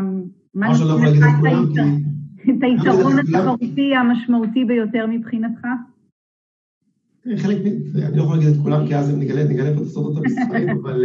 איזשהו משהו אחד שבעצם הוא הגורם, שגם אולי אתם מסתמכים עליו גם בתקשורת, כמשתנה בידול, משהו שאתם בעצם... אה, הדבר המרכזי אצלנו זה, זה העובדה שאנחנו מתייחסים על עצמנו לא כבית קולנוע, כמקום שעושה רק סרטים, אלא כמרכז בילוי, כמרכז בידור, כמקום שעושה, כמקום שעושה עוד בתי קולנוע, אה, סליחה, דברים שהם חוץ מבית קולנוע, ומשתמש בעצם במקום כנדל"ן. Mm-hmm. ושם אני מקווה שאנחנו מובילים על פני אחרים, כי גם האולמות שלנו מתוכננים אחרת, האולמות פועלים אחרת, הצוות שלי עובד אחרת, אה, ההסתכלות שלנו היא אחרת. אה, אתה יכול לגלות לנו על משהו חדש שאתה מתכנן? משהו... אני אה, יכול להגיד משהו שהוא לא איזה... אנחנו סתם מסתכלים על עולם, נניח, הגיימינג. אוקיי. לא יודע אם אנשים יודעים, אבל שוק הגיימינג היום הוא בערך פי שתיים מענף הקולנוע. מרשים. והוא לאט לאט מתקרב לעולם, לעולם הספורט. עכשיו, אני... מקום אידיאלי לגיימינג, יש מסך, יש מקרן, יש כיסאות, ואפשר לחבר את, את, את הגיימינג עם קולנוע. אף אחד לא יודע, עדיין לא יודע איך עושים את זה, מתי נכון לעשות את זה. אבל יש לי כבר שלושה, ארבעה אנשים שזה מה שהם עושים. ויש לי ציוד, ויש לי זה, ואנחנו עושים תחרויות, ועושים טורנירים, ועושים תערוכות, עדיין לא יודעים אם עושים איזה כסף, אבל זה תחום שאנחנו בודקים אותו כל יום, כל דקה, כל שעה בעולם. אני לא בטוח שהמתחרים שלנו עושים את זה, ואל תגלו להם. אה, אבל אני מקווה, שכול, אני מקווה שכולנו נצליח להביא דרך זה עוד אנשים, כי אפילו אם תפתחי את ערוץ 5 בטלוויזיה, תראי שליד הקריין של הכדורגל יש מישהו שמקריא עכשיו, מספר עכשיו על אה, ליגת פיפ"א. ואני מניח שזה מתי שיגיעו גם לעולם שלנו, יש היום סרטים שה... בעצם באו ממשחקי מחשב. וסרטים שהופכים למשחקי מחשב. אה, וזה ענף שבעצם אה, מתישהו יהיה בו איזה שוק של איחוד, אני מאמין, או לפחות אה, ענף שיתקרב אליו. אז חלק מהעבודה זה להיות שם. הבנתי. עכשיו, אי אפשר בלי לשאול על משבר הקורונה. חלק מה... מנהלים שראיינתי, עבורם אה, זו אפילו הזדמנות, אבל אה, לחלק אה, מן הסתם זה איום וקושי. אני מניחה שהעובדה שאי אפשר להגיע אליכם היא בעייתית. איך אתם מתמודדים? איך אתם מתכוונים להתמודד? דבר ראשון, הבעיה שלנו קצת יותר מורכבת, בגלל שהספקים של מה שאני מוכר, שזה אומר הסרטים, בעצם יושבים בחו"ל ויושבים באמריקה, אה, ובעצם אני אה, יכול להיות פתוח והכל מוכן והכל יפה, אבל אם אין לי סרטים אז אין לי מה לעשות. אה, אז אצלנו הבעיה קצת יותר מורכבת, וזה לא עכשיו סחורה שמגיעה מסין, אז תביא אותה עכשיו מאיטליה, או תביא אותה מאוסטרליה. אצלי אין, אם אין סרטים, אז אין סרטים באנגלית, אז אין סרטים, אין, אין סחורה, זה בעיה קצת יותר אסטרטגית. אה, מבחינת, אה, אז, אז, אז המשבר קיים, רצינו קצת ייקח יותר זמן, בתי קולנוע יותר צפופים, אם יגידו מחר לפתוח בתפוסה של 20 אחוז, אז עדיף לא לפתוח, כי איפה אני אשים, מה יעזרו 20 איש באולם של, של 100 איש? זה לא, לא רלוונטי מבחינה כלכלית. אם לא יהיה לי מה להציג להם, זה עוד יותר גרוע. אה, וכשאני מוכר פופקורן, פופקורן הוא פתוח, אז גם פה יש אה, דילמה, אז אצלנו קצת העסק קצת יותר מורכב, ואין לי חלופות שאני יכול לעשות. אני, חוץ מלעשות דרייבים וזה מחוץ לקולנוע זה פחות מעניין, כי אני לא משתמש בנדל"ן שיש לי, אבל אם אני עושה הופעה באולם זה אותו דבר, ואם אני עושה גיימינג באולם זה אותו דבר, ואני עושה הצגה באולם זה אותו דבר. אז שם אנחנו קצת במשבר קצת יותר משמעותי, וגם עם הסיפור של חו"ל. מבחינת הזדמנויות, א', אנחנו נראה מה קורה בעולם, זה תהיה הזדמנות. האם זה יעשה איפוס בענף? לא. האם זה יעשה איזושהי טכנולוגיה חדשה, איזה משהו?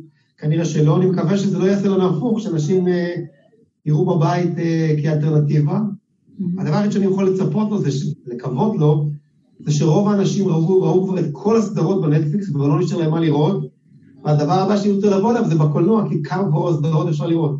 כן, אוקיי, אני מאחלת לך שכך יהיה. עוד משהו אחד זה שאנשים למדו שהפופקורן בסינמה סיטי יותר טוב מהפופקורן בבית, זה אני בטוח. אז אה, יהיה מה שימשוך אותם חזרה. אמ, אוקיי, ועכשיו לשאלות האחרונות שאני שואלת אותן שאלות בעצם את כולן. אנחנו לומדים שתכנון אסטרטגי חשוב אה, אה, עד מאוד, זה בא לידי ביטוי בכל הקורס. אתה יכול להצביע על איזושהי החלטה אסטרטגית שקיבלת ששינתה משהו משמעותי בהתנהלות של, של סינמה סיטי, יכול להיות מהתקופה האחרונה או לא? אני אתן דוגמה אה, בעולם של, של כוח אדם, עברנו מגיוס אה, חיצוני לגיוס פנימי. זאת אומרת, 20 שנה אנחנו מגייסים כוח אדם דרך אה, חברות כוח אדם, mm-hmm. והיה היום בגלל, זה היה לפני הקורונה, בגלל מצב השוק, או יותר נכון החוסר בעובדים, בגלל דור ה-Z, בגלל דור ה-X, בגלל ההתנהלות שלהם, והקושי לקבל עובדים, עשינו משהו אסטרטגי שמוכיח את עצמו, כי אחרת לא היה לי עובדים בכלל, אה, בעצם אה, העברנו את כל מערך אה, קליטת, גיוס העובדים, קליטת העובדים פנימה. מן הסתם זה מתגלגל פנימה ל... לא דברים שלא עשינו, אבל זה מעצים את זה יותר, כי כבר זה צוות שלי בפנים, להשבחה פנימית ולעבודה פנימית, זה משהו שהרבה שנים התחבטנו בו, והשנה החלטנו שזה מה שאנחנו עושים. בגדול אסטרטגית אנחנו משתדלים לעשות כמה שיותר in-house דברים. gaming, אז הציוד שלנו ודברים שאנחנו עושים. ציוד מחשבים אנחנו עושים בפנים, מתוך הבנה שכשיש משבר, או כדי להיות גמיש ברמה השיווקית, וכדי להיענות למשברים, אז הדרך היחידה שלך לעשות את זה, אם אתה עושה משהו בתוך הבית, אם אתה רוצה להוביל גם משהו, אתה חייב שתהיה לך, שתהיה לך את היכולת עצמית לעשות את זה. קשה מאוד לעשות דברים בחוץ, הדברים נהיים קצת. יותר מדי מורכבים. כן. אז זה אה, אומנם גיוס אה, עובדים טיפה יותר קשור לתחום של התנהגות ארגונית, אבל ממש לא, גם אנחנו מדברים על שיווק פנימי, אה, כל מה שקשור בגיוס ובהכשרה ובמוטיבציה לעובדים. בעסק שהוא מוטה כוח אדם, כוח אדם אצלנו זה הלב של המערכת, הם עושים את השיווק, כי הם נותנים את השירות, נכון. הם עושים את העבודה, כי הם אלה שמפעילים, הם אלה שמנקים, זה הליבה של העסק, אז אצלנו זה לא עוד איזה שהם אגף משאבי אנוש, זה הלב של העסק, בגלל זה אצלנו זה משהו אסטרטגי משמעותי. כן, בהחלט. יכול להגיד לך בעולמות של השיווק, אה, האונליין נהיה שם נהיה אצלנו מאוד מאוד משמעותי. עכשיו אנחנו עכשיו זה תהליכים שאנחנו נדבר עליהם. מנסים קצת לעשות השבחה בעולמות האלה, לעשות קצת, אה, לעשות שיווק אה, הרבה יותר משמעותי ברשת, בעולם הדיגיטלי, במגבלות המותר. אוקיי, אז בעצם אני שואלת תמיד לסיום שלושה טיפים, אז כבר נתת לנו בעצם שניים, אחד זה לעשות אונליין, זה כולל כל מה שקשור בעובדים, שהוא המשאב המרכזי שלך, אה, שתיים זה אה, עולמות האונליין והטכנולוגיה, אז בכל זאת עוד טיפ אחד למנהל, אה, מניסיונך העשיר כמנהל. אני ההמלצה שלי, ההמלצה שלי הכי משמעותית זה לנהל, זה להשקיע 20 אחוז או 10 אחוז מהשעות ביום, להשתדל לעשות את זה כל יום אפילו, ולחשוב בין ארבע לחמש שנים קדימה. למרות שזה מאוד מאוד קשה ולמרות שזה מאוד מאוד מסובך, לנצל אפילו חלק מה-10 או 20 אחוז מהזמן הזה, לשבת וללמוד מה יהיה, או לנסות להבין מה יהיה עוד 4, 5, 6 שנים קדימה, אה, כדי לדעת לנווט את העסק שלך, שהוא לא משנה אם הוא סירה קטנה או אונייה גדולה, למקום הזה, אתה צריך לחשוב על זה קדימה ולא לקבל את זה בסוף כסתירה, ואפילו לנסות להעז ולנסות להקדים חלק מהשנים, חמש שנים קדימה, היום, כי, סתם דוגמה, עולם הגיימינג, אין באמת מודל כלכלי, ואנחנו, אבל החלטנו שזה מה שאנחנו עושים, אנחנו עושים את זה בעוד שנייה, שנה שלישית השנה, כהימור, כי אמרנו שזה מה שצריך לעשות וזה מה שאנחנו עושים. אה, אני יכול להגיד סתם ככה מההיסטוריה, פייסבוק, אנחנו בערך הגוף העסקי הראשון בישראל שהיה לו חשבון פייסבוק. הייתה תקופה שהיה לנו את הכי הרבה לייקים בפייסבוק, הכי הרבה, אז קראו לזה צ'ק בפייסבוק, כי החלטנו, כי אנחנו אמרנו, אוקיי, זה מה שהולך להיות העתיד, באותה מידה גם החלטנו לא להיכנס לטוויטר. כי הגענו כבר אז להבנה שזה לא יהיה, למרות שעקבנו ועוקבים, באותה מידה אנחנו מסתכלים על העולם הדיגיטלי, מה יהיה העתיד, עולם ה cloud, מה יהיה בעתיד, עולם ה AI, מה יהיה בעתיד, וחושבים, לומדים את זה כל יום, כל הזמן, זה חלק מהעניין. תמיד שואלים אותי, מה, מה, מה, למה יש לך קיר לבן מאחור? אמרתי, מה זאת אומרת? כתוב. אמרו לי, אנחנו לא רואים. אמרתי להם, כתוב פה מאחורה, לא לעולם חוסן.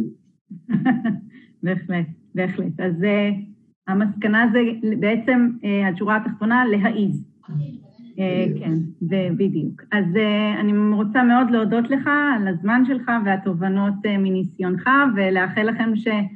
ולכולנו שנחזור לשגרה ושתוכלו עוד uh, להצמיח uh, בדברים חדשים ומעניינים את סינמה סיטי, אז תודה רבה ולהתראות. תודה לכם, בריאות לכולנו. תודה, להתראות. ביי. ביי, תודה. תודה, אבי.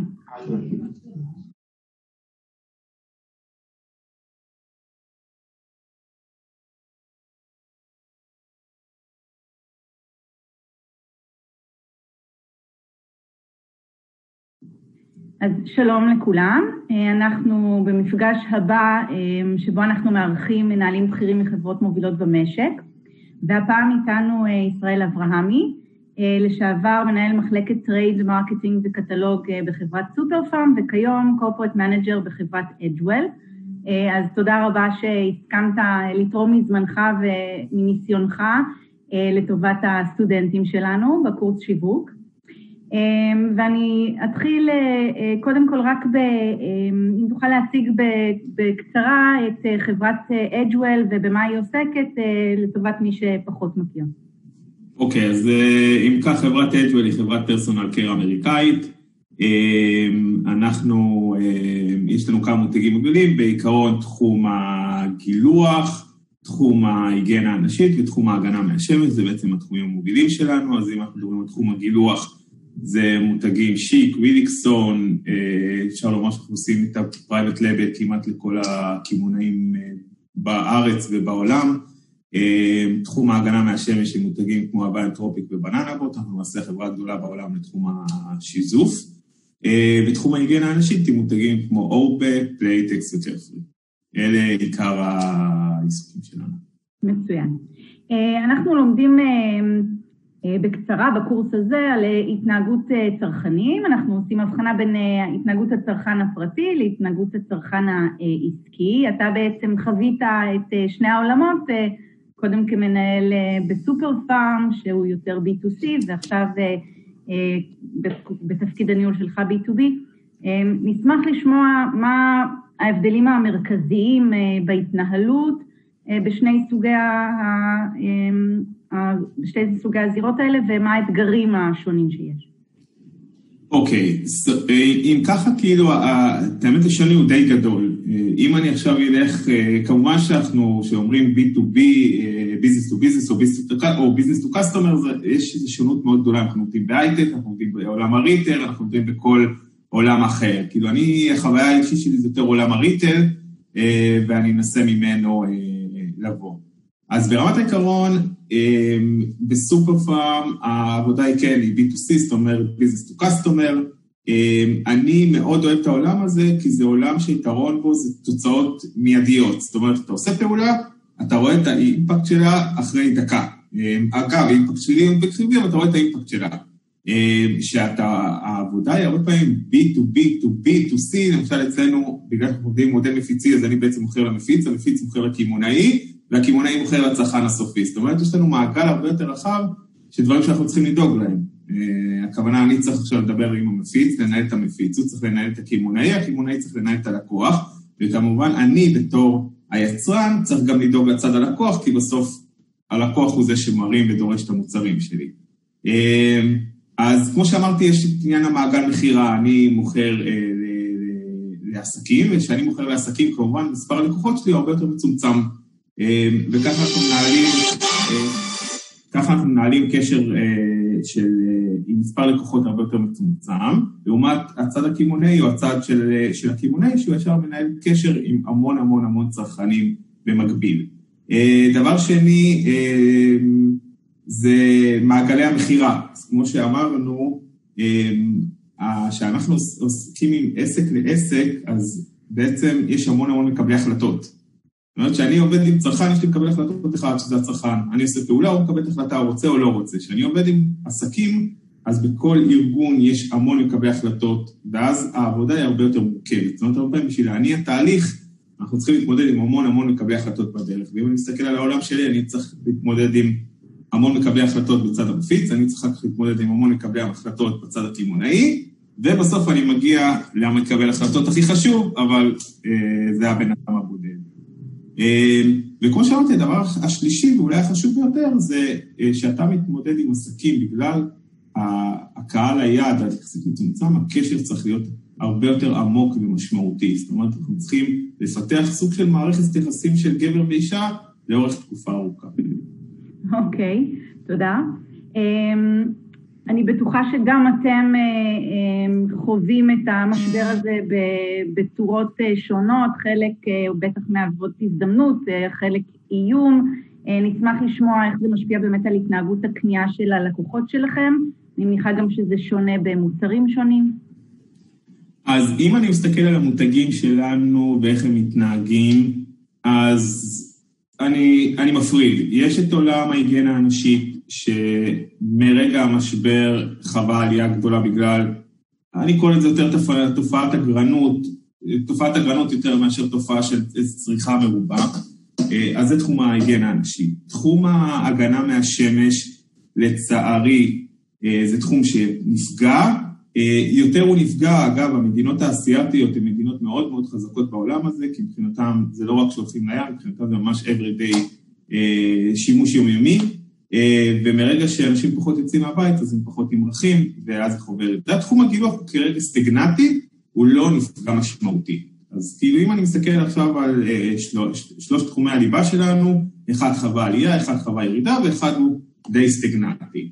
אמ, אם אני עכשיו מסתכל על עולם המפיצים שאנחנו עובדים מולו, אז חווינו אה, קושי. הקושי נובע מתוך הישר אה, חיתוך ימי המלאי אה, וההזמנות העתידיות מצד המפיץ כדי לא לקחת סיכון עליו. בסוף המפיץ הרי הוא סוג של מקשר בינינו לבין הקמעונאי, ומרגע שהמפיץ ישר רואה איזה אי-ודאות עתידית, הוא חושב לצד הכלכלי שלו, ואז הוא אומר, אז רגע, אם אני עכשיו צריך להחזיק על פי החוזה, או אני רגיל להחזיק אה, חודשיים מלאי ביטחון, אה, מכיוון שהזמן אספקה הוא יחסית ארוך, אז אני עכשיו מצמצם את המלאי ביטחון שלי לחודש כדי אה, להימנע ממלאי ומתשלום עודף.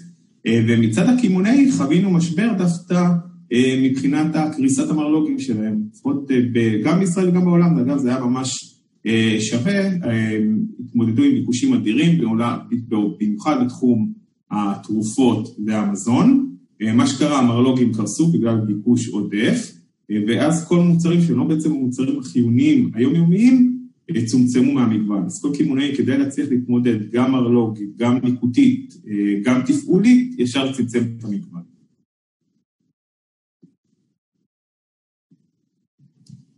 רינת התלמיות. סליחה. אה, עוד עניין שאנחנו דנים בו, אה, זה איך להחליט, אה, איך להקצות את המשאבים שלרוב הם מוגבלים בין שלוש פעילויות מאוד חשובות בניהול היחסים מול לקוח. קודם כל לרכוש לקוחות, לשמר לקוחות, לפתח לקוחות. איך אתם מחליטים איך להקצות ומה אתם עושים לטובת שימור לקוחות?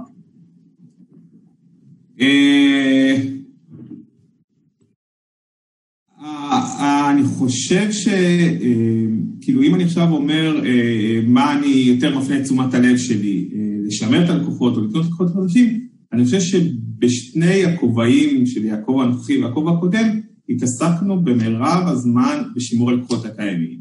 הסיבה היא כי למשל עולם הקמעונאות הישראלי הוא עולם יחסית מצומצם, זאת אומרת, יש לך את המספר הלקוחות הקיים שלא משתנה חדשות לבקרים, אז אתה מתעסק עכשיו בשימור הלקוחות הקיימים, גם מספר המפיצים הוא לא מאוד גדול, אז אני חושב שבכלל B2B לרוב מתמקד יותר בשימור הלקוחות הקיימים, אם הוא מרוצה וטוב לו איתם. בכובע הקודם שלי, אני גם חושב שהתעסקנו יותר בשימור הלקוחות הקיימים בגלל החדירה הגדולה של הארגון הקודם מבחינת המשקי הבית. זאת אומרת, אני חושב שהיום 75% מהאוכלוסייה בישראל רוכשת מסופר פארם, לכן עדיין הפוטנציאל בשימור הקיימים הוא הרבה יותר גדול מהפוטנציאל מרכוש או מהסיבה לרכוש לקוחות חדשים. הבנתי. ועוד דבר, כמו שלקוח מעריך מה המוצר שלנו שווה עבורו, אז מומלץ לחברות גם להעריך מה הלקוח שווה עבורן. אתם עוסקים בהערכת שווי החברות, מה שנקרא Customer Lifetime Value, איך אתם עושים את זה? זה מנתב את ההתנהלות שלכם? אז תראי, אם אני עכשיו מסתכל על חברה יצרנית, עם מספר לקוחות יחסית מוגבל, זה בדרך כלל חברות שמשקיעות הרבה הרבה פחות מאשר הערכת שווי לקוחות. אם אני משווה את עצמי סתם לעולם, אם אני היום חברת הייטק שמוציאה, שעושה אתרי אינטרנט, אז בעצם קהל היעד שלי הוא קהל בלתי נגמר, אז אני כל הזמן, יש לי המון המון לקוחות שאני עכשיו צריך כל פעם לנטר ולהבין מי הולך, מי הגדיל את הקניות, מי פוטנציאל לקנות דברים נוספים. שזה יותר חברה יצרנית, אז יש לנו מספר לקוחות יחסית קטן, וכל לקוח הוא לקוח כבד ומשמעותי, אז הקשר הוא קשר יומיומי, זאת אומרת, אנחנו כל הזמן מכירים את הלקוחות שלנו.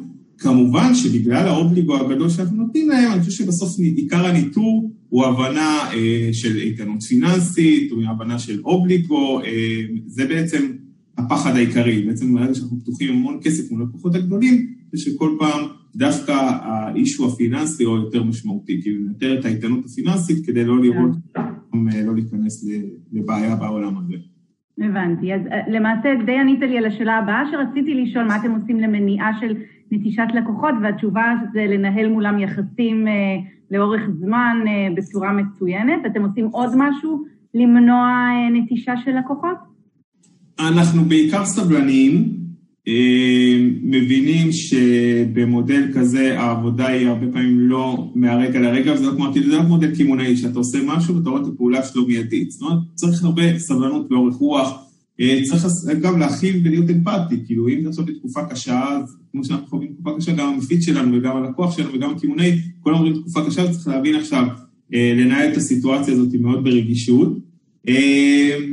ואני חושב שבסוף העיקר הוא בשכנוע, שאנחנו ביחד. זאת אומרת, אני לא, זה לא לקוח או מכירה קלאסית, זה הבנה שהאינטרס שלנו משותף. וכל אנחנו נלך ביחד דרך ארוכה, אז שנינו נרוויח או שנינו נפסיד, אבל אנחנו צריכים להיות ביחד, בטוב וברע. ואז אני רק אסגור את המעגל הזה, ומה דעתך על האמירה שלעיתים זה בסדר לפטר לקוחות, להעזיב במכוון? תראי, אני חושב שזו אמירה שחצנית. זאת אומרת, אני חושב שארגון שאומר את האמירה הזאת, הוא ארגון שבע מאוד מאוד מאוד. עכשיו, את איתי, אני לא חושב שאפשר להגיד תמיד כן ללקוח, הפוך. הרבה פעמים אנחנו צריכים להגיד לא ללקוח אם הדרישות לא הגיוניות או לא עושות לנו שכל. אבל אני מאמין שכל עוד הלא נאמר בצורה עניינית, הגיונית, רגישה, עם הסבר גם, למה לא, למה אנחנו לא יכולים לענות על הדרישה, אז, אז בכך זה נגמר, אז אני, אז אני מצד אחד לא חושב שצריך להגיד אמן לכל דבר שהלקוח רוצה או מבקש, לא תמיד אנחנו יכולים לעשות את זה, גם אנחנו מאוד רוצים. מצד שני, המילה לפטר לקוח היא מבחינתי קצת אגרסיבית מדי. אוקיי, ונסיים בשלוש השאלות הקבועות לכל האורחים שלנו. אחד, אנחנו מדברים לאורך כל הקורס על החשיבות של תכנון אסטרטגי. אם תוכל לשתף אותנו באיזושהי החלטה אסטרטגית מצוינת שקיבלת ואיך זה השפיע, או כזו שאתה עומד בפני הצורך לקבל אותה ומה ההתלבטות? אני יכול לומר שאני נכנסתי לתפקיד לפני שנה וחצי, התמודדנו עם, עם מתחרה מאוד מאוד אגרסיבי ששולט ב-85% מהקטגוריה, ש, עם השקעות מטורפות. ואם הסתכלתי על אותם, שאני באתי ולקחתי את עולם הגילוח, ראיתי עכשיו שהוא מחולק לשלושה סגמנטים עיקריים. יש לנו את עולם החד פעמי, שזה עולם שתמיד היינו חזקים בו יחסית.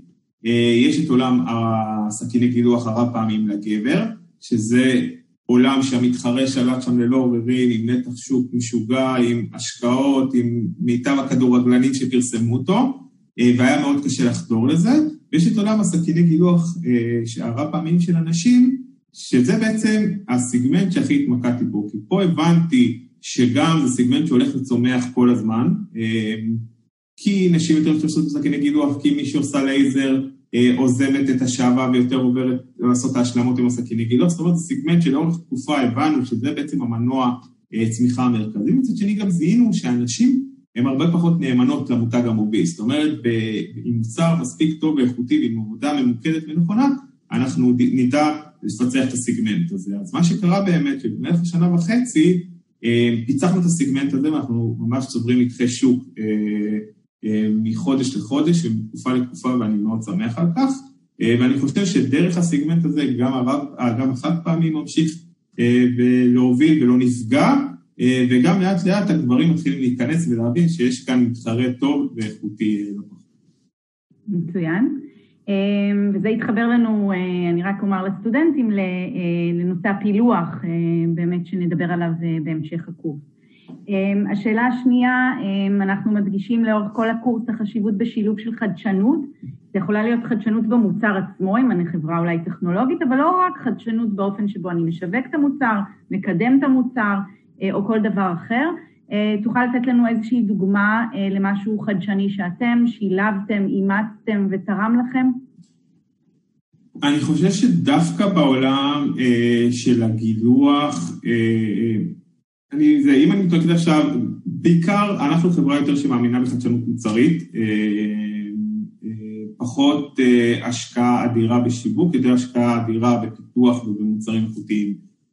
אז אם אני עכשיו הולך לעולם הגילוח, שזה עולם שחייב לקבל חדשנות כל הזמן, הבעיה של חדשנות היא טריקית, כי הרבה פעמים מרגע שאתה יותר מדי מחדש, אתה גם נכנס לבורות, כי הלקוח לא, לא מצליח, או לא חווה את המוצר הקיים, לא מספיק להשתמש בו, וכבר עברת למוצר אחר, וזה משהו שיכול מאוד לבלבל אותו.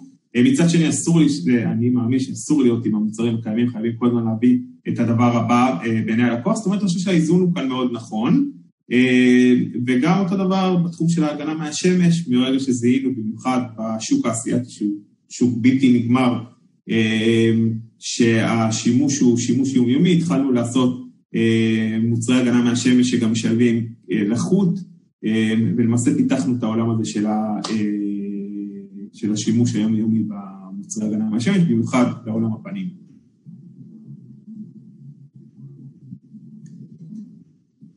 אתה מיוט, סליחה. עוד פעם, יש פה בעיה בקיצור, סליחה.